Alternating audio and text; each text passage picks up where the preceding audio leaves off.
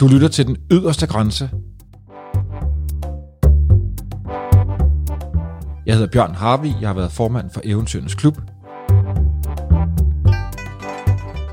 I denne her sæson møder jeg 10 nulevende danskere, der har rejst ud i verden og på hver deres måde rykket ved vores opfattelse af tilværelsen.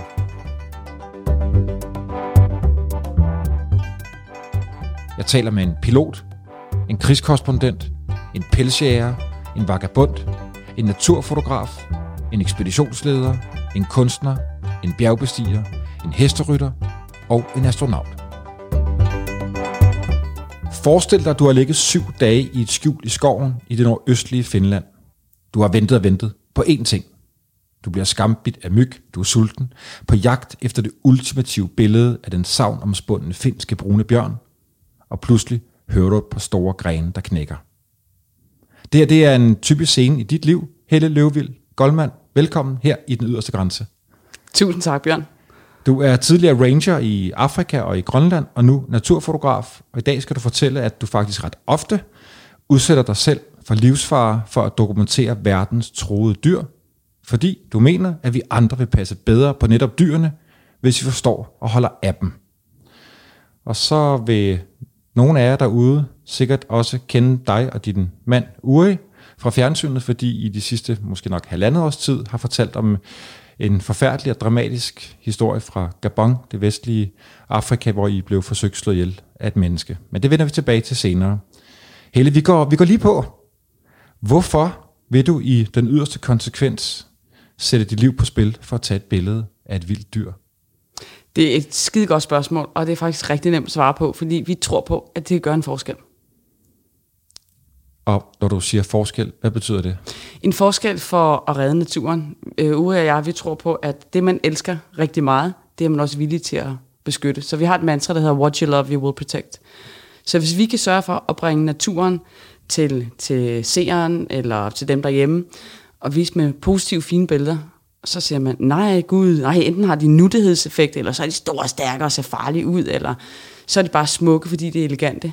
Og så får man bare den der følelse af, wow, fordi vi er alle sammen født med den her kærlighed til naturen. Og hvis vi kan reconnecte vores hjerne med vores hjerte til det, vi er født med, så har vi også kærligheden til at passe på naturen. Og hvad håber I så, at der, at der så sker? Uh, håber I, at folk så tager en, tager, tager en handling?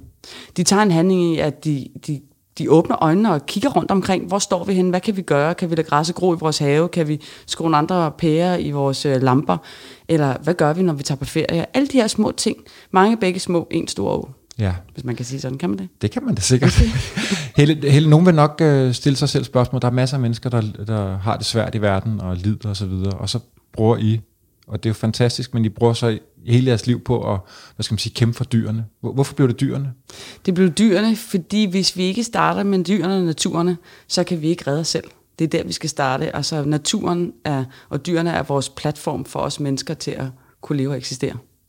Ja, inden jeg så stillede det her spørgsmål, havde jeg måske øh, tænkt på, er det også fordi, de på en eller anden måde er fremstår uskyldige, dyrene? Altså at de, de bliver ligesom behandlet dårligt af os mennesker? Er det, er det, en, er det sådan en vinkel?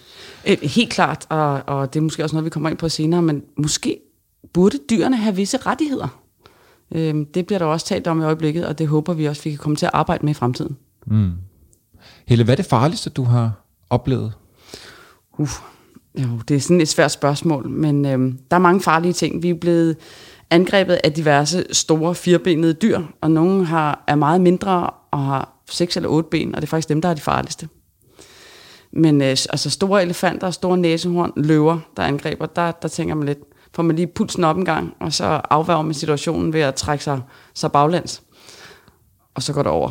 Ja, og I har jo, Ure og dig, og også dig alene, før du mødte Ure, har jo været også rigtig meget i Afrika, og der tænker jeg jo øh, små kryb og ting ja. i soveposen, og hvad der nu ellers er. Ja, altså man har jo haft, øh, ja, øh, hvad hedder sådan nogle, um, they have lots of legs, centerpiece, um, to, og hvad katten er det nu, de hedder på dansk?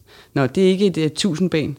Den er lige så giftig som en skorpion, altså den har man i typiske bukserne eller nede i støvlerne, hvis man ikke har sat sokken hen over, ikke? Eller så er det de her små nogen, der siger bzzzt, som bærer malaria-parasitten rundt med sig. Og, og som faktisk slår, ja.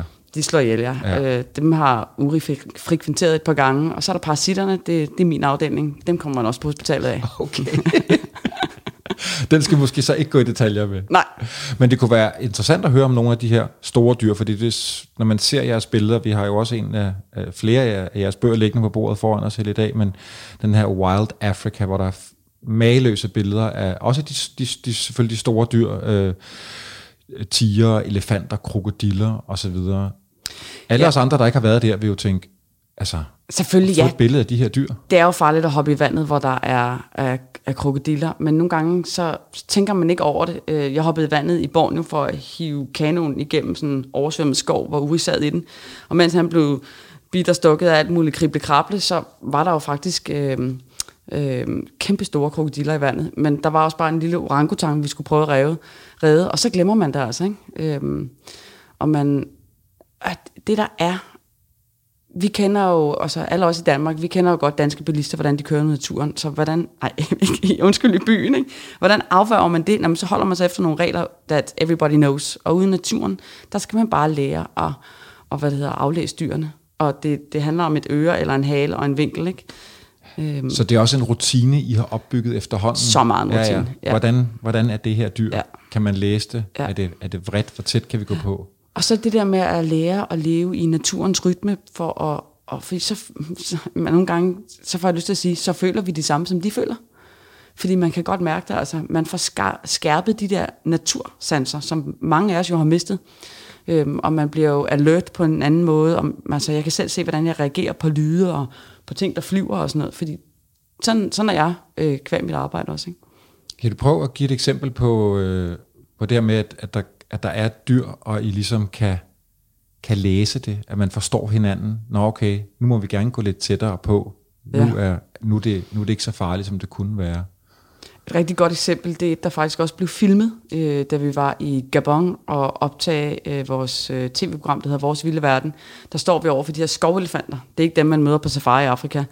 Skovelefanterne, de er mindre, og deres stødtænder, de peger sådan mere lod, og lodret nedad, because det er svært at gå i junglen, hvis stødtænderne de stikker ud med det hele. Ikke? Og vi havde dem faktisk på et åbent stykke øh, græsland, og jeg havde tænkt, ej, jeg gider ikke tage mine klipklapper på, jeg går bare ud bare til det her sand og det her græs.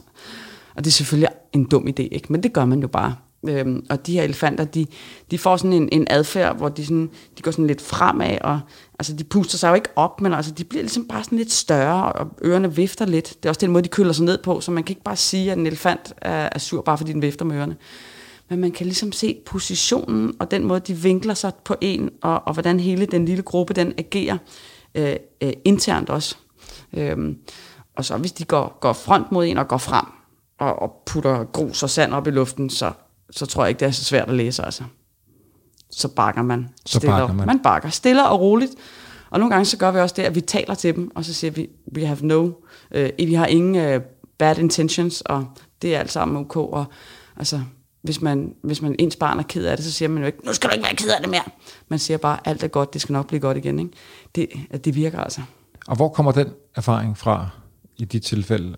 Øh, det er bare at være derude i rigtig mange timer, altså. Så finder man ud af, hvad der virker. Nu har jeg jo ikke selv børn, men, øh, men find ud af, hvad der virker. Trial and error.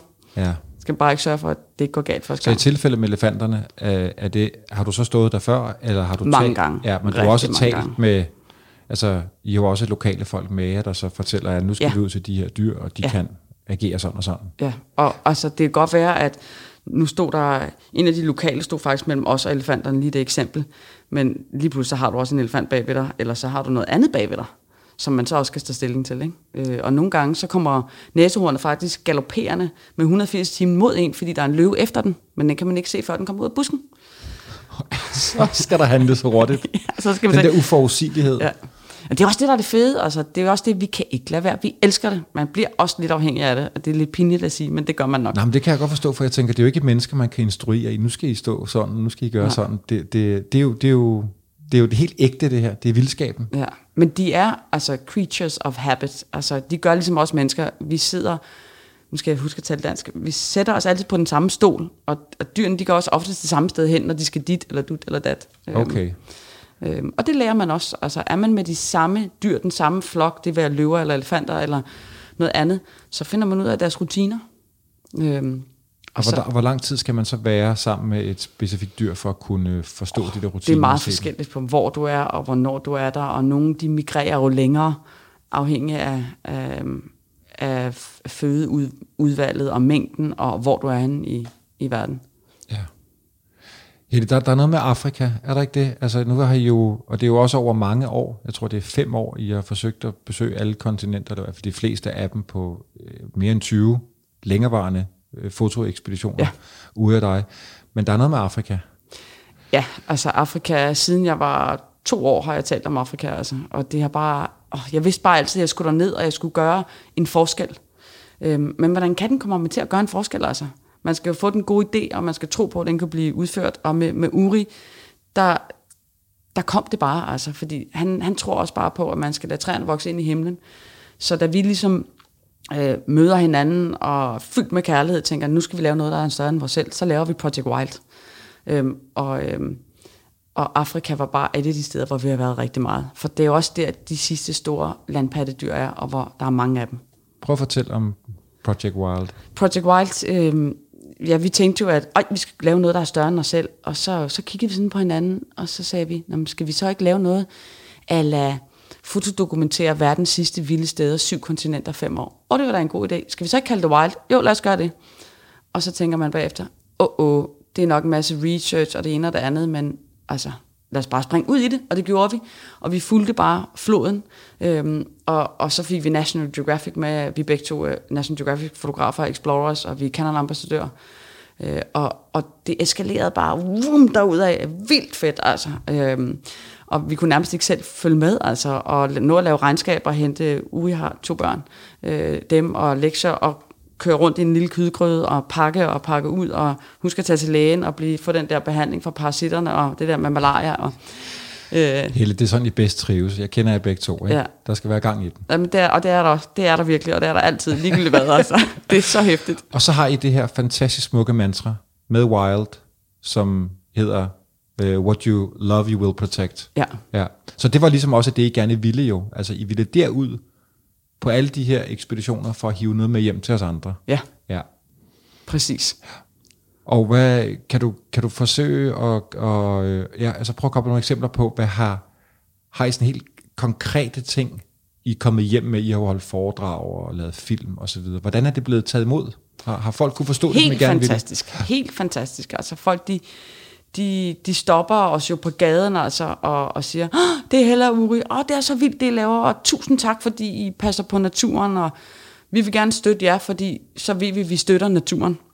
Øhm, og de siger, at wow, I åbner vores øjne, vi kan se, hvordan det er. Øh, og tit til foredrag, så fortæller vi jo også, hvordan, altså når laksen den går op i floderne i, i øh, Nordamerika, så har den rigtig stor betydning øh, for, for skoven, fordi så hiver ulven eller bjørnen den op fra floden og lægger den ind i skoven, og 80% af den næring, skoven har brug for i, i Canada, altså på Kanadas vestkyst for eksempel, men den kommer fra laksen. Og det er der ikke særlig mange, der ved. Øhm, og vi kan jo heller ikke alle sammen være biologuddannet, men sådan nogle historier, der kan jeg bare sige, der kommer folk tilbage og siger, Gud, nu forstår jeg det jo. Nu kan jeg se sammenhængen, ikke? Ja, der Så kommer for- nogle håndgribelige ting, Ja, I så bringer for, med hjem. så for at forklare den der øh, irreversible cyklus, altså den må bare ikke blive ødelagt. Øh, fordi en lille ting, du piller ud af den, så piller du det hele fra hinanden, altså. Helle, jeg havde, øh, før vi har mødtes nu her i dag, så havde jeg ligesom givet en lille lektie for, fordi jeg rigtig godt kunne tænke mig med jer, jeg har i studiet og snakker om, hvem der ligesom har været jeres, jeg ved ikke, om vi skal kalde dem idoler, eller helte, helinder, eller rollemodeller, men i hvert fald nogen, der er gået forud for os, jer, der har rejst ud. Altså, I, I ville jo, øh, og stadigvæk med jeres projekt Wild, øh, forsøge at, at, at fortælle noget, som, som ændrer noget ved verden. Og, og det har du jo så også haft som, som ung øh, pige, altså nogen, der gjorde det. Kan du ikke fortælle os, hvem det var? Jo, altså der er faktisk tre kvinder. Øh, det er Jane Goodall og Diane Fossey, som desværre ikke er blandt os mere, og så Berudi Gallikas. De tre kvinder, de øh, har studeret øh, chimpanser, gorillaer, bjerggorillaer og øh, orangutang. Og de blev sat til at gøre det af en, en anden professor, der hedder Louis Leakey. Og de havde ingen baggrund for det. Men i, de, de lærer det så, og de kommer til at gøre en forskel, for de finder jo faktisk ud af, at de her store primater, de er jo ikke så farlige, som de er blevet gjort til. Hvornår er det her? Åh, det må være en gang i 60'erne og 70'erne, tror jeg. Øhm, og altså, i dag betyder øh, Jane Goodall jo enormt meget, og jeg må nok hellere fortælle jer alle sammen en lille hemmelighed. Uri har også altid været hemmelig forelsket i Jane Goodall. Hun er i dag 84. Og Rui, han påstår, at jeg ligner hende. Øhm, vi har sådan et fint billede, hvor jeg står ved sådan et National Geographic-flag. Øhm, og hun har også altid været i samarbejde med National Geographic, øh, og jeg kan godt se det en lille smule. Men øh, i dag, der har hun jo skrevet forordet til vores kommende bog, der hedder Wild. Øhm, men da jeg var yngre, og jeg var ung pige, der var det, der var det Jane, øh, hvad hedder, undskyld, Diane Fossey, og som har studeret bjerggorillaer op på et bjerg i Centralafrika. Og det var bare det vildeste, altså hun bare ene kvinde gik derop, øh, og bestemte sig for, nu vil jeg gøre en forskel, nu skal jeg gøre det her, øh, uden nogen baggrund. Øh, og det gjorde jeg også, da jeg begyndte som naturfotograf. Uri tog mig jo bare ind under hans vinge. Øh, så det er ham, der har lært mig alt, hvad jeg ved om foto. Hvad, hvad var det, Diane gjorde ved dig, da du som, som ung Jamen, jeg, jeg, jeg sad bare der, og så jeg så filmen også, hvor Sigourney Weaver spiller, spiller Diane Fossey i den, der hedder Gorillas in the Mist. Og Diane bliver jo slået ihjel. Hun bliver snimyrdet. Hun bliver snimyrdet, ja. Midt i alle sine fantastiske studier. Øhm, der er konsekvensen for hende, at fordi hun brænder så meget for det, og tror så meget på det, at ja, jeg ved ikke, hvad der præcis sker. Øh, der er jo masser af politik i det også. Øh, at desværre, så, så er hun ikke blandt os mere. Øh, hvad, hvad, hvad skete der med hende? Øh, jeg tager næsten ikke udtale mig børn, fordi jeg ved det ikke helt. Øh. Nej, men det er også fair nok, men, men hun blev formentlig slået ihjel på grund af hendes arbejde for at beskytte dyrene. Altså, ja. nogen brød sig ikke om det arbejde, hun ja. lavede. Det, det, så nogle gange så går uh, uh, Wild uh, Nature Conservation jo i, i clinch med, med lokale, og det må det jo bare aldrig gøre. Det skal jo altid være et samspil. Øhm, og, og, og det er en rigtig svær øh, linje at, at gå på. Øhm, og, og når man starter med at, at forske i noget, så, så skal man gå varsomt. Det skal man helt klart. Hvad, hvad, hvad var det for en historie, øh, hvad hedder hun, øh, Jane Goodall fortalte dig, og, så, og som hun stadig fortæller, hun er jo så stadig i live. Hvad, ja. hvad, hvad mener du, hun har gjort? Altså Jane, hun gik jo ind og talte om rettigheder for de store menneskeaber, altså chimpanser, gorillaer og orangutanger.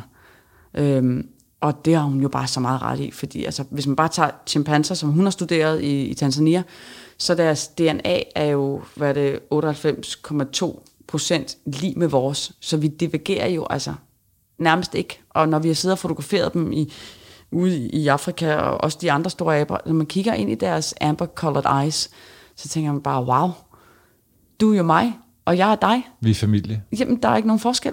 Det er så fantastisk, mm. altså. Prøv at fortælle, hvad, hvad Jane lavede. Hun havde, havde hun ikke et center, hvor hun tog, også tog, tog dyr til sig? Jamen, det var Berudi Gallikas. Nå, det var Berudi, ja. okay. Øhm, og det der var, Jane, hun, der var en abe, der hed øhm, David Greybeard, som vores bog faktisk også er, bliver dedikeret til. Øh, han går ligesom til, til Jane, og som vild, vild chimpanse, og siger, okay, jeg accepterer dig, du accepterer mig. Og han bringer faktisk også andre ind og siger, okay, prøv at høre, hun er ikke farlig, hende der. Så han er jo med til at lave en forbindelse mellem os og naturen. Så vi kan takke David Greybeard for rigtig mange ting sammen med Jane Goodall. Så, så, så Jane er ude i...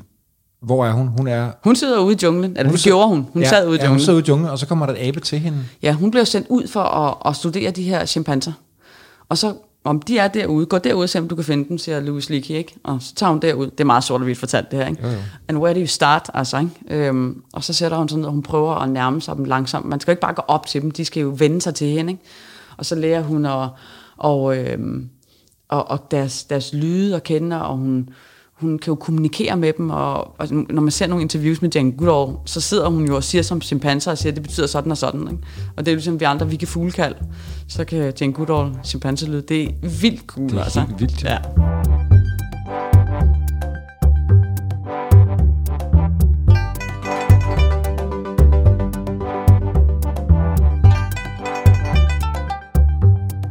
Og hvad gør det så ved dig, at du er kommet afsted i livet nu, Helle, hvor du altså for os andre, næsten ligner de her, der var dine rollemodeller. ja. Det må da være lidt vildt. Altså, øh, øh, nu nævnte du starten, at, at vi blev overfaldet i Afrika øh, for, for to og et halvt år siden, ikke?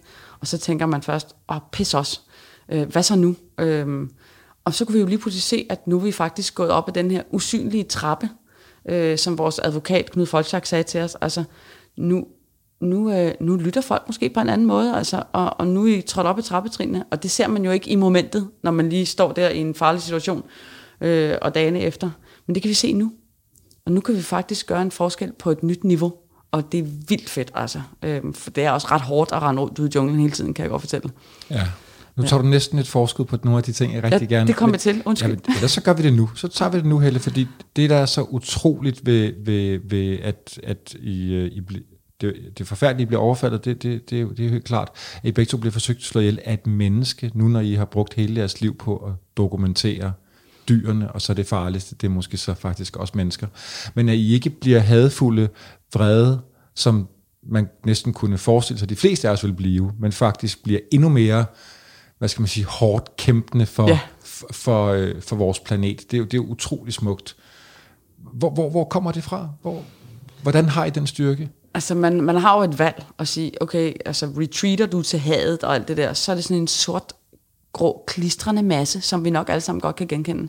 Eller så kan man sige, hmm, ej, det, det, vil, det vil vi ikke. Altså, og på et tidspunkt øh, på Hvidovre Hospital, så kigger Uri på mig, øh, mens han helt klart har set firedobbelt, altså, øh, på grund af hans, øh, hans skader.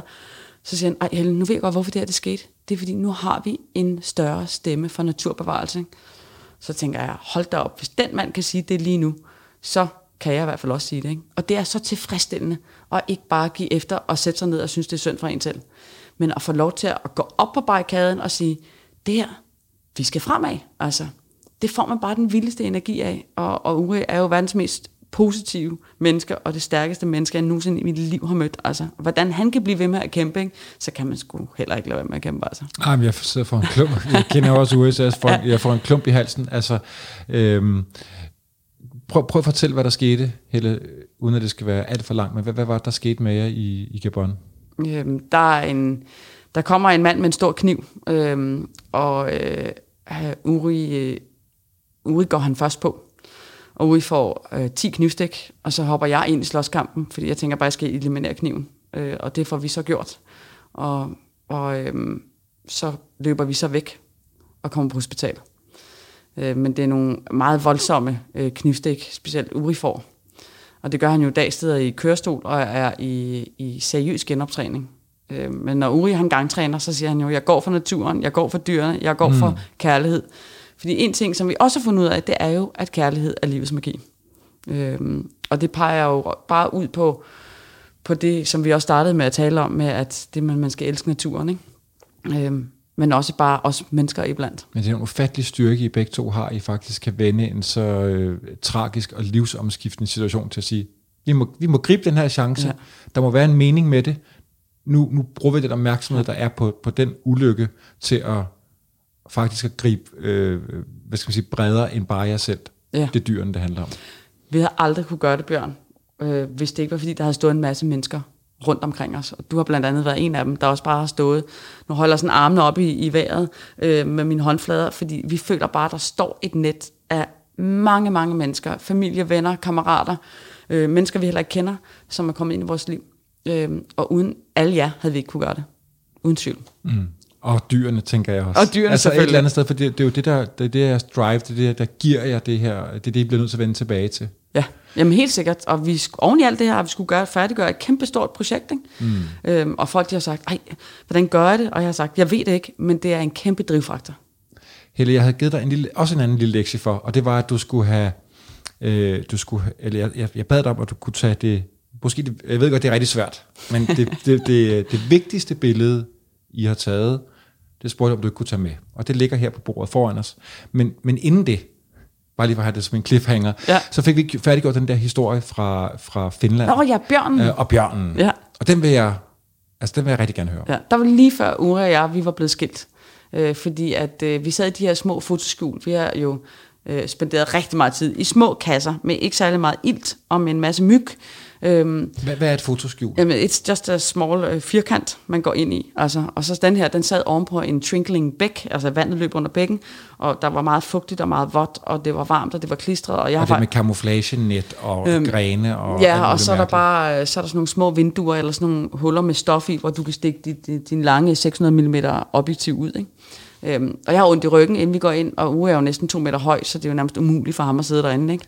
og så har, du, start. så har du en spand, du kan, du kan, du kan tisse i, og hvad man ellers skal, nu skal lave, ikke? og så har du sådan en lille madpakke med, og madpakken var ikke larme selvfølgelig.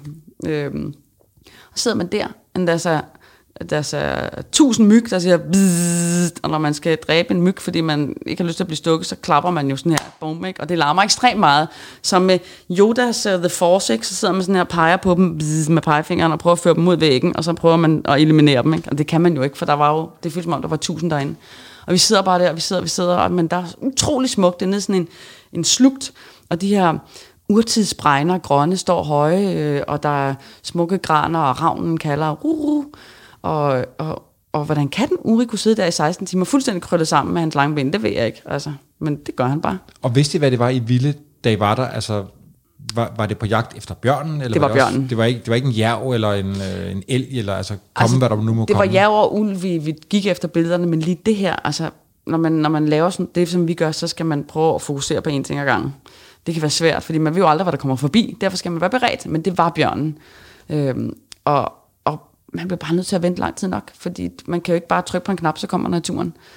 Man må sit and wait. Og I har en fornemmelse af, at den kommer. Der er nogen, der har fortalt jer... Ja, at, vi arbejder sammen med en, en filmfotograf, der hedder Cardi, og, og han kører sin skjul rundt øh, om vinteren i sne, og så får han placeret dem de rigtige steder. At, han er finde. Han er finde, ja. Okay. Øhm, og super cool, altså.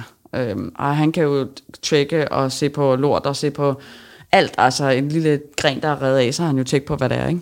Så han siger, oh, go and sit right here, ikke? Så sætter man sig der i den der lille kasse. Just wait. Så tænker man, Så går man ind og venter, ikke? Hvor længe? Ja, ja, hvor længe. Og man ved ikke, hvor meget man skal vente. Vel? Uri er ekspert i at sidde derinde lang tid. Jeg sidder sådan her, og jeg er rigtig dårlig til at sidde stille. Altså. Øhm, så hjælper kærligheden. Så hjælper det at være to sammen. Ikke? For så har man hinanden. Ikke? Øhm, og når man så tror, at, at det, øh, bjørnen vil aldrig komme, så lige pludselig, så knækker der en gren, som du sagde. Ikke? Og så kalder der en ravn. Og når ravnen kalder, så sker der altid et eller andet. Det er meget sjovt. Øh, Er det noget, I selv har fundet på, eller er det... Nej, men det har vi prøvet flere gange. Øhm, det er den der ulv der. Øh, og så lige pludselig, så kommer der sådan en kæmpe stor brun bamse gående ned ad skrænten igennem bregnerne. Og så han har sådan en helt sværm af myg omkring sig. Og så sætter den sig, buff, lige på sin bepelsede numse, lige foran vores fotoskjul. Og Uris, han sidder i den rigtige retning. Øh, jeg havde den anden retning med mit kamera, og er det bare klik. Og man er ikke i tvivl om, når man tager det rigtige billede. Øhm, og det tog 16 timer. Hvad, hvad gør det ved jer? Så bliver man bare så glad ind i en. Ja, man har bare lyst til at sige, Jubi! men det kan man ikke inden for det der skjul, altså.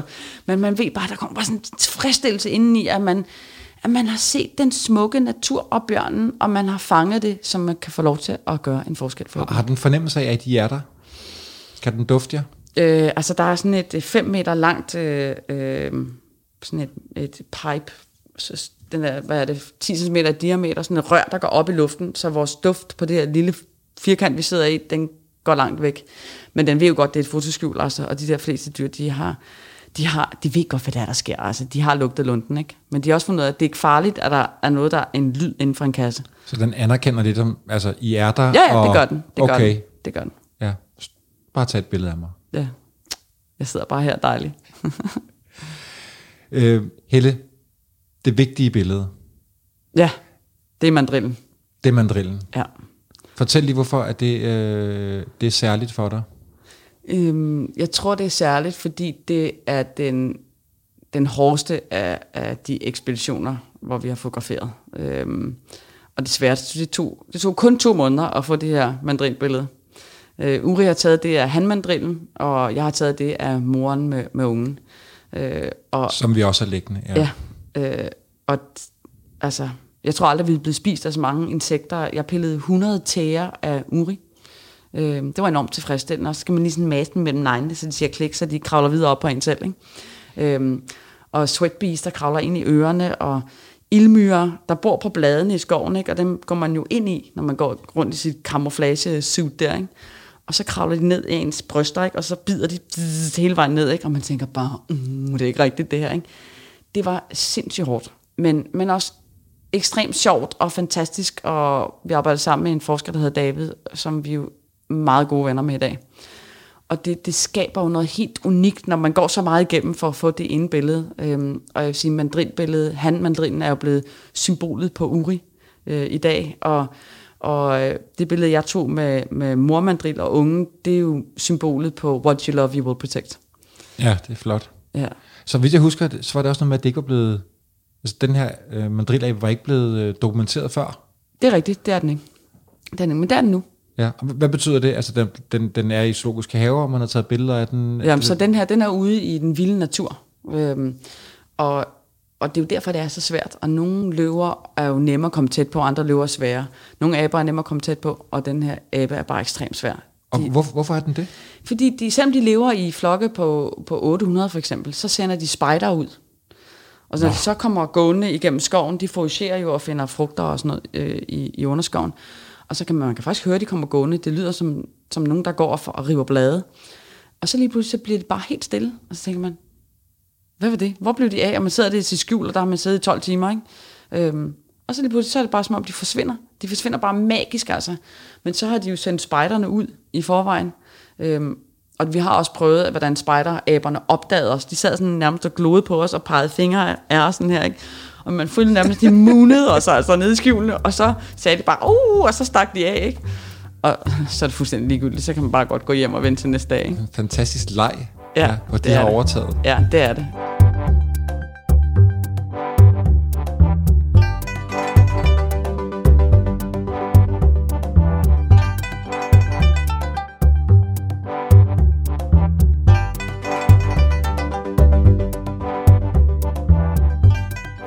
Og så bygger man det her skjul, fordi man tror, de kommer gående lige der, så det passer lige med kameravinklen. Og så når de så kommer, så passer vinklen bare slet ikke, og så bliver man simpelthen nødt til at rive det her øh, camouflage-netting op og, og stikke kameraet ud, altså, og det er jo ikke særlig smart, fordi så, så kigger de jo på en, ikke? så siger de, hvem er du? Så gør det der. Det, der fik vi også et godt billede, men det er bare ikke helt det samme, for vi vil hellere have det der voyeuristiske blik ind i deres liv. Helle, prøv at fortælle, hvordan det... Altså, eller beskriv, hvordan ser det her billede ud? Øh, det er et close-up billede af en, en handmandril, og man ser hans røde næse og hans, hans lyseblå kinder. Han er, hvad kan man kalde ham, the high-ranking alpha male, øh, og han kigger faktisk lige ind i, i Uris kamera. Og han er på vej ned ad en skrant, og der er sådan nogle grønne slørede øh, blade med i billedet, så, så man kan se, at han er ude i skoven, ham her. Ikke? Altså, fordi man kan jo godt se rigtig mange billeder, af- pæne- billeder i zoologiske haver, og det er jo super godt sted at øve sig. Ikke? Øh, men det der med at få, få omgivelserne og naturen med, det synes vi er så vigtigt. Det gør I ret ofte, synes Ja. jeg. Det der med, at man, man, man fornemmer, at der er noget før, øh, foran selve dyret. Ja. ja. Fordi så er det, man får det der blik, ligesom et vindue ind i deres natur. Fordi det er jo så vigtigt, om man skal forstå dyr, eller øh, oldtidskulturer, eller dig i dit job, eller mig i mit job. Altså, så kan man ikke bare kun se på mit ansigt, man er nødt til at se, hvad er det, jeg omgiver mig med, og, og hvad er alle de her ting. Og, og det er det, de har, der er ude i naturen. Øhm, så, så forstå det ved også at, at se sig lidt omkring. Ikke? Helle, fortæl om sådan en setup på sådan en tur. Du siger, det tager 8 uger at få et billede. Ja. Altså, vi andre gider ikke engang vente 8 minutter, vel? Nej. Altså. vi startede med at få et National Geographic uh, grant, altså legat, og kunne tage til Gabon, og med, en, med seniorforsker Kate Abernathy og hendes mand i felten David, og Kates mand Lee White, øh, der er head of all national parks i Gabon. Det kræver de rigtige stempler, de rigtige underskrifter, øh, det rigtige udstyr, øh, og, og så koge det hele ned til, til minimalt. For du kan ikke slæve rundt på, jeg ved ikke, på, på otte linser og fem kikkerter og 12 stativer. Altså, det, det, det, det er det simple, der virker. Men det tager lang tid at komme derud. Og det tager mange timer at gennemtænke det. Og når man så tror, man har gennemtænkt det, så har man det ikke. Fordi så kommer der en skovelefant, der river en skjul i stykker, og, og smadrer bilen, man skal køre i, eller, eller et eller andet. Eller der var en elefant, der var lige ved at spise alle øh, pengene, Uri havde i sin lomme, fordi hans bukser hang til tørre på en snor uden for hytten. Ikke? Okay, så det er den slags udfordringer. Det, øh, I ligger ikke øh, 8 uger i træk på maven og kigger ind i... Øh, Nej, vi, I, vi øh, skifter skjul. skov. Vi skifter skjul hele tiden, fordi dyrene, they move around, and we move with them. Øhm, og nogle gange, så går vi jo også i de her camouflage suits, så går vi jo 11-12 timer i skoven om dagen, og spiser vi lige brød indimellem, ikke? drikker noget vand og lidt myggespray, og så går vi videre. Øhm, der er mange, der er forskellige måder at gøre det på, men nogle gange så er det stay put, og andre gange så er det walk. hvad, hvad skulle forskerne? Men forskerne, de studerede jo man- mandrillerne i det her eksempel. Ikke? David, han boede ude på feltstationen, det gør han stadigvæk. Øhm, og hver dag tager han jo ud, og han, øh, han tagger dem, og han følger dem, finder ud af deres gåruter, og finder ud af, hvordan kan de lige, 800 mandriller, hvordan kan de lige pludselig blive usynlige, ikke? Hvor går de hen? Altså, øhm, hvad, gør det for, jer, for, hvad gør det for ham? Hvad gør det for jer, at I faktisk er sådan et, et team? Alt. Altså, uden det team, uden de lokale, altså, kan vi intet gøre. Øh, han havde jo også et helt hold af, af Rangers med sig, som vi går sammen med. Øhm, og altså, David, han, han, han arbejder med et lidt nyt approach sammen med os, men som han har fortalt os så mange gange, så siger han, det var også super godt, fordi jeg skulle til at, at indfange mandriller og tagge dem. Og så fandt jeg ud af, hvilke skjul og hvilke locations, der så virkede, efter vi havde uh, trial and error med jer i to måneder. Ikke? Øhm, og, men altså, uden Davids viden og uden uh, alle rangerne, så kunne vi... Er det jo en kæmpe gave. Glem det. Vi aldrig er der ikke nogen forskere, der tænker, åh, nu kommer der nogen, der skal tage billeder af at, at det vi ved oh, mest det er der helt sikkert. Okay. Helt sikkert. Og vi frygter over, vi frygter hjemmefra, åh oh, nej, hvad tænker forskerne nu, og rangerne, og kan de overhovedet lide os, og hvordan går det? Og, fordi der, altså... Øhm, men I, I giver jo opmærksomhed på, på det, de også brænder for, ja. deres kærlighed, så jeg tænker, de, de fleste men, må vel også være... I har samme passion som rigt, os. Det er rigtigt, men vores agenda er jo vores agenda er et billede, deres agenda er en, en, en, en GPS-tag måske, ikke? og det får man på forskellige måder. Men så det, det handler om at, at møde, at møde dem øh, with heart and mind, for at høre, hvad gør de, og hvordan gør man det, og så skal man arbejde sammen med det, og så står man sammen med dem og laver aftensmad om, om aftenen på feltstationen, og man, man skal tøj, og man skuer gulve og toiletter, og, og man taler om det ene og det andet. Altså, det, man indgår i et team, og det er så fedt at arbejde i de der teams. Øhm. Hvordan bidrog det her billede, som, som, øh, som Uwe har taget af, af handen, og, og det øh, de flere, jeg har taget rigtig mange billeder af dem, men, men også det billede, du har taget af moren og barnet. Hvordan bidrog det til forskernes syn på mandrillerne, eller til deres ligesom, forskning? Øhm, ja, hvad, hvad fik David tilbage af det billede? Altså, han, han, har jo, han har fandt jo ud af, hvordan han skulle bygge sin skjul. Han fandt ud af, hvor han skulle ligge med hende, og hvornår. Og han fandt ud af en hel masse ruter med det. Og jo mere man kan... Vi har også givet ham alle vores billeder, som han, den kan han jo hele tiden trace tilbage i, og, og, og de to måneder er jo aldrig spildt, selvom han har lavet mere fotoarbejde. Han elsker også selv at tage billeder. Øhm, så det, det, det er aldrig spildt den tid, man bruger ude i naturen. Er de troede? At de er på det, der hedder en, øh, på redlisten, der er de det, der hedder vulnerable. Øhm, og det taler man jo også om på konferencer i dag. Hvornår skal man sætte ind og passe på et dyr, når de er øh, critically endangered, jamen, så er det næsten for sent. Skal man ikke starte, når de, bliver, når de er sårbare, som mandrillen er? Det kommer også an på, hvor man er, hvor troet de er. Ikke? Helle, du sagde, at det her øh, billede på en måde er blevet ikonisk for jer. Eller du sagde det for Uri. For Uri. Ja. Ja, det, det er det bare blevet, altså, fordi han, han er jo, altså, han er den dygtigste naturfotograf, jeg overhovedet kender. Hvordan Uri kan svinge et 600 mm objektiv, og så bare få et, et billede, det er utroligt. Øhm, men det er så intens, det her billede, og Uri, han er bare også intens. Altså, han er fantastisk, altså. Øh, han tror bare på det umulige. Og det, det beviser det her billede. For det ingen troede, vi kunne gøre det. Nej, altså, nu siger jeg jo ikke, at, at, at øh, den her smukke abe ligner Uri. det var ikke det, jeg prøvede at, at, prøve at sige undskyld, jeg fornærmer dig, Uri.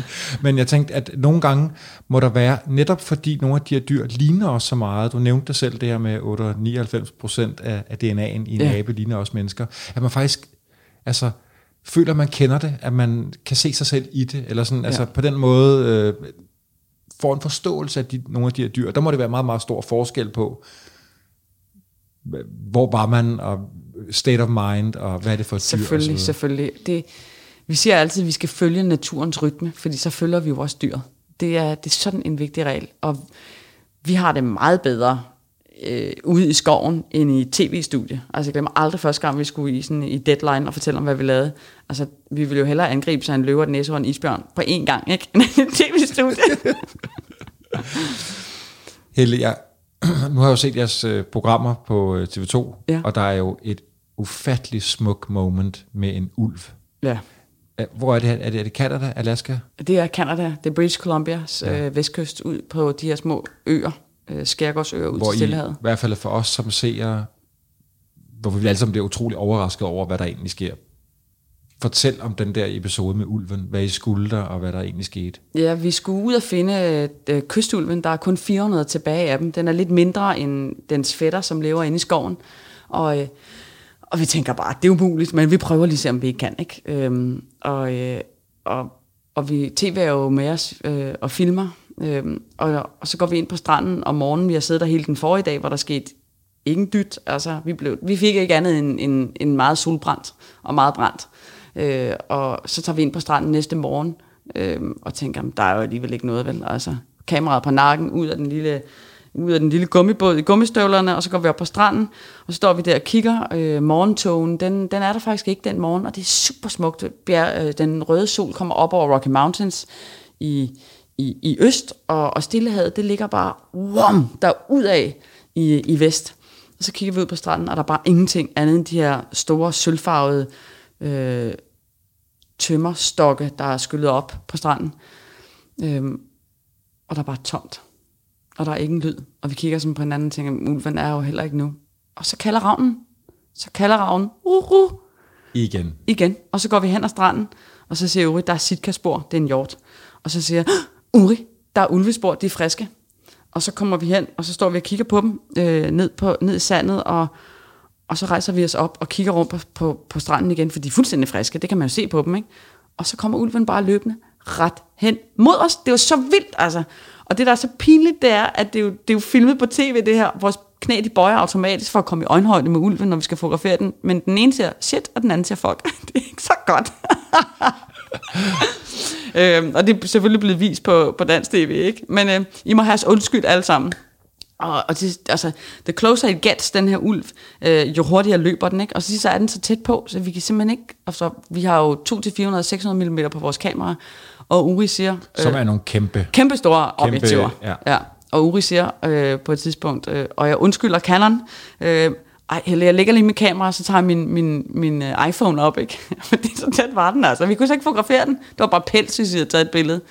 Og vi er på, i to timer er vi sammen med den her ulv, der cirkler om os, og den er, viser ingen tank på aggressivitet. Øh, og vi er ikke bange, vi har adrenalin, øh, vi er spændte, og vi, vi græder simpelthen sådan uafhængigt af hinanden af lykke, fordi vi får så lov til at være så tæt på et vildt dyr.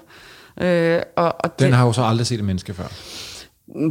Det vil jeg måske have set nogen sejle forbi, altså. Men, men Men den er jo tydeligvis overhovedet ikke bange for. fuldstændig ikke bange for, nogen, for noget som helst. Altså. Den synes bare, vi er interessante, og den er hen og slik på uges gummistøvler. Vi ligger Jamen, det er det, jeg kan huske. Jeg kan Ja. huske, at I ligger der og kigger på hinanden, og den løber rundt, og vi andre sidder og tænker, åh oh, nej, nu, Ja. nu hapser den. Ja, ja, det gør så går den den hen og snuser til jeres fødder. Ja, Det er et utroligt øhm, smukt øjeblik. Ja, og så, vi ligger jo på maven for at komme helt ned og få en fed forgrund i billedet. Ikke? Øhm, og så ligger man på albuerne, og man glemmer jo alt. Altså man glemmer alt. Alt, alt er ligegyldigt, fordi man er bare der sammen med den ulv, og det er så intenst, og vi holder i hånden også nogle gange, fordi man skal lige mærke, er det virkeligheden der? Okay, du er her stadigvæk, så er det sandt, ikke? Øhm, og så stikker den snuden ind i, i modlysblænden på kameraet. Øhm, den er sådan, det er sådan et, et, et, sådan et hulstykke rør nærmest, der sidder ude for enden af objektivet. Øhm, og den der rammer ikke linsen, for der var desværre ikke noget snudemærke på. Det kunne altså være max sejt, altså. Øh, men så tager den snuden ud igen, og så løber den hen til kaptajn Peter, der sejler den båd, vi er ombord på. En lille sejlskib på 39 fod. Han sidder længere henne af stranden. And it actually runs off med, med hans sko. Øh, fordi han tænker, uh, den smager måske godt, den der, ikke? Øh, og så kommer han tilbage til os, og efter to timer, så siger vi til hinanden, ej, nu må vi hellere lade den være. Øh, og sige tak, fordi vi må være gæster i dens verden. Øh, og så sejler, fordi vi så optager til tv, så bliver filmfotografen Thomas stående på stranden, og så sejler vi ud sammen med kaptajn Peter i gummibåden ud til, til sejlbåden. Og, øh, og jeg har stukket min, øh, vi har altid VHF-radio med, og den har stukket ned i Thomas' lomme, øh, for vi har taget mikrofonerne af, men han skal bare sejle, hvis vi, eller han skal bare filme, hvis vi sejler væk fra stranden. And he stands der med, med ryggen til, til skoven og filmer os, der sejler, og så kommer ulven bare ud igen. Øh, og så kan jeg bare huske, at jeg tager radioen og siger, Thomas, nu kommer ulven. Bare Altså til ham? Ja, den står lige ved siden af. Vi tager billeder af det faktisk.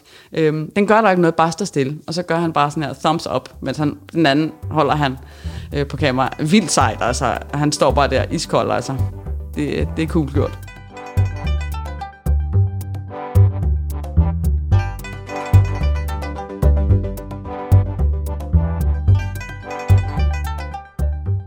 Hvordan vægter man alle de her oplevelser? Altså sådan en der, øh, øh, vil mere vil have mere, eller bliver man afhængig af det? Eller? Man bliver fuldstændig afhængig af det. Altså, b- altså, det, man bliver mest afhængig af, det er den der fantastiske følelse, det er at få den gave. Altså, at få lov til at være en del, i et vildt, eller en del af et vildt dyrs liv. Øhm, det er unikt, altså, øh, og det kræver, at man er derude i sindssygt lang tid, altså, og vi har sådan et ordsprog, der hedder go the extra mile, og det er jo, så må man bare blive bidt af det, man nu bliver bidt af, altså, og, og, og får man ikke noget at spise, får man ikke noget at spise, bliver man forbrændt, så bliver man forbrændt, og sådan er det bare, altså, minor detail, øh, fordi gevinsten er så kæmpestor, og fordi vi har hinanden og dele oplevelserne med, når vi også kommer hjem, så, øh, så lever vi jo bare, altså, som på en, på sådan en, der kører ind i Tivoli, en rulle, en, hvad hedder sådan Rollercoaster. en? Sige, ja, ja. Men også fordi andre folk kommer til at se og påskynde jeres billeder, så det må jo også, tænker når I sidder der, Ja, så det er så næste siger, "Ah, vi fase. kan ikke mere, men hvad, vi gør også det her, fordi Vi det ved, det betyder ja, noget, ikke? ja. Øh, og når man så får feedbacken, når man kommer hjem, ikke? Og når man har billederne med i tv, eller de bliver udgivet bøger, og folk køber ens bøger og til foredrag, folk kommer op, og vi bliver stoppet i netto, ikke? Altså, så giver det bare så meget blod på tanden. Ligesom når folk kommer op til uge nu til dags, når vi siger, hvor er du bare sej, Uri, du kæmper, du er en kæmpe inspiration for os alle sammen, altså, ikke? Så giver det også Uri kampgejst øh, til at fortsætte med gangtræning. Helle, vi, vi, vi har jo snakket om det her med, hvor, hvor vi får den der styrke fra, og, og, og Uri, som har sagt, vi bliver nødt til at vende den situation, vi er i lige nu, på grund af hans øh, fysiske tilstand, til at give opmærksomhed på det her projekt. Ja. Fordi øh, dyrene skal øh, have nogle rettigheder. Hvad, hvad er det for nogle rettigheder, I ønsker, at dyrene skal få? Oh, det er et svært spørgsmål. Øhm, vi ønsker, at dyrene skal have rettighed til at blive beskyttet og hvad hedder det, claim their rights and claim their land. Øhm, skal, skal dyrene have en nation et eller andet sted? Jeg ved det ikke. Det kan godt være, det lyder vanvittigt. Det var faktisk Uge, der sagde det forleden dag. Øhm, hvordan vi skal gøre det, det, det aner jeg ikke, men jeg ved, vi kommer til at gøre det. Vi har jo lavet en, en fond nu, øhm, øh, sammen med vores advokat, øh, der har hjulpet os. Han har sort bælte i fonde, siger han, og det er så ret i, for nu har vi en fond, der hedder Wild Nature Foundation. Og nu er vi jo gået op ad den her stige, så med de her 19 knivstik, ikke?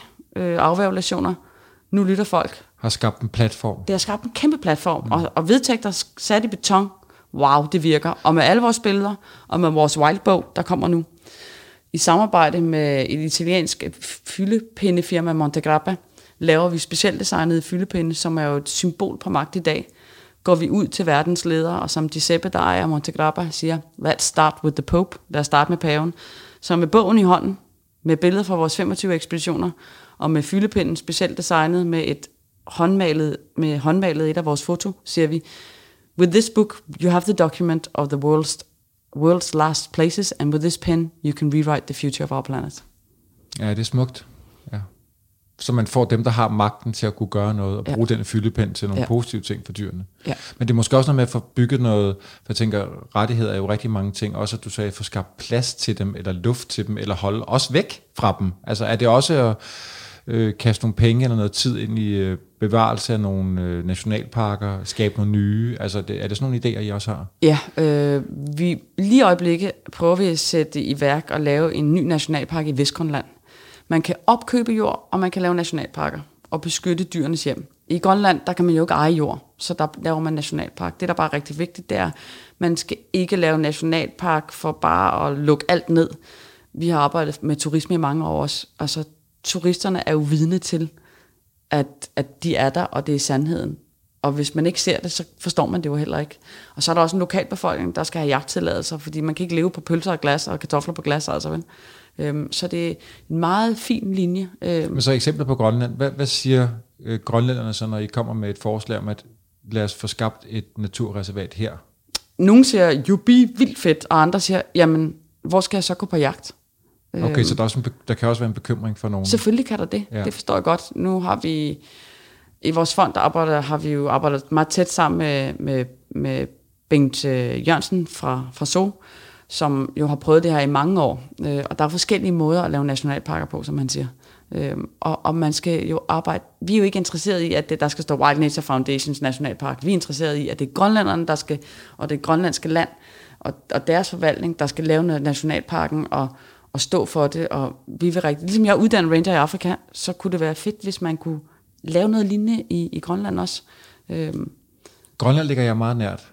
Er du altså, gal, jeg mand, ved, også, ved også godt, at Afrika har gjort det, det nævnte Ja. tidligere, men jeg begge to rigtig været meget i Grønland. Hvad, hvad, hvad er det, der, der, der er så stærkt ved det forhold, I har til Grønland? den rå natur, altså, den, den er fantastisk. Der er ekstremt højt til himlen i Grønland, og man føler sig altså to centimeter høj nogle gange i Grønland, fordi naturen er så barsk og så rå. Altså, man skal ikke spille pus med den. Det tror jeg ikke, det hedder. Det kommer måske forkert Også ud. men- uspoleret. Ja, Den er uspoleret, den er fantastisk, den er rå, man, man, man er der på dens præmisser. Og hvor er det rart, at det ikke er os, der bare bulldozer frem, også menneskeheden, men at her der er det os, der skal være på vagt. Ikke? Jeg tror, det, det dyr, vi er er allermest bange for, det er faktisk isbjørnen. Altså. Øhm, og når vi arbejder i så er det altid med en riffel på ryggen. Øh, og det er jo ikke, fordi vi vil skyde isbjørnen, vi vil undgå alt. Altså, vi har heldigvis aldrig stået i den situation. Øhm, og man, man, vi, vi prøvede engang at teste, hvor lang tid det ville tage mig. Jeg havde riflen på ryggen, så lå jeg og tog billeder, og så sagde jeg, om det tager 5 sekunder, for jeg sidder op og har den af og har den lat, ikke? Nej, det tog 12 sekunder, ikke? Og så er du altså hop, hop, spist. Hvor, hvorfor er I mest bange for den? Fordi den, altså på tre, hvis det står 25 meter væk fra dig, og så på tre sekunder, så er den hen ved dig, ikke? Altså, den, den er bare så stor og så stærk, og, og den, den er bare konge over Arktis, altså. Hvis du er madpakken, mm, så er du der madpakken, ikke? Ja. Mm, dejligt. Men, men det er vel også trods alt et dyr, man kan læse, eller sådan Det er det, ja. Det er det. Men jeg synes, de er svære at læse. Det er meget nemmere at aflæse løver. Altså. Det er jo ikke, fordi vi ikke har set nok på isbjørnen. Det har vi. Øhm, men man går heller aldrig lige så tæt på isbjørnen, vil jeg sige. Uden at lyde dum nu. Helle, hvad, hvad, hvad er næste projekt? Jeg ved godt, I er blevet sat tilbage i lidt i tid, men, men øh, er der noget i støbeskeen nu?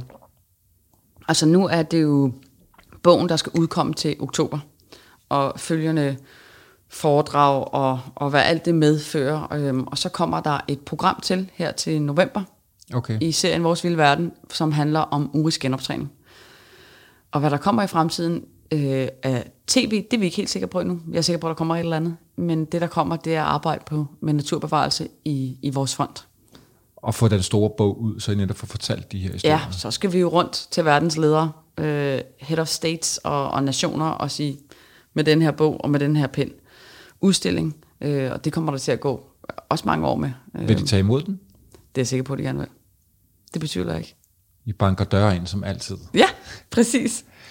Helle, tusind tak for, at du... Det, det var simpelthen, tiden flyver afsted, når vi sidder og snakker. Ja, Tusind tak for din, øh, din inspirerende historie. Tusind tak. og tak til dig, Bjørn, fordi du laver sådan nogle fantastiske programmer. Jeg har nydt dem alle sammen. Tak for i dag.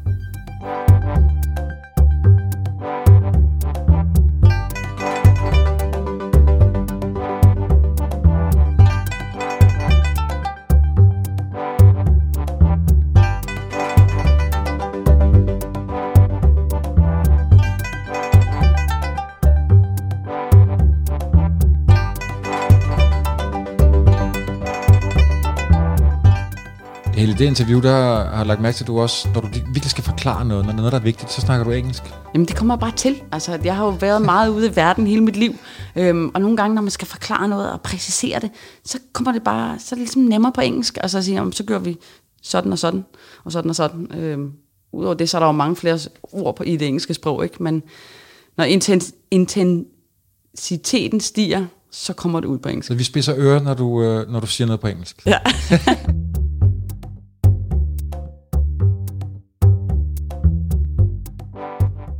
Den yderste grænse er produceret af kontoret Jul for Nationalmuseet og Radio Loud.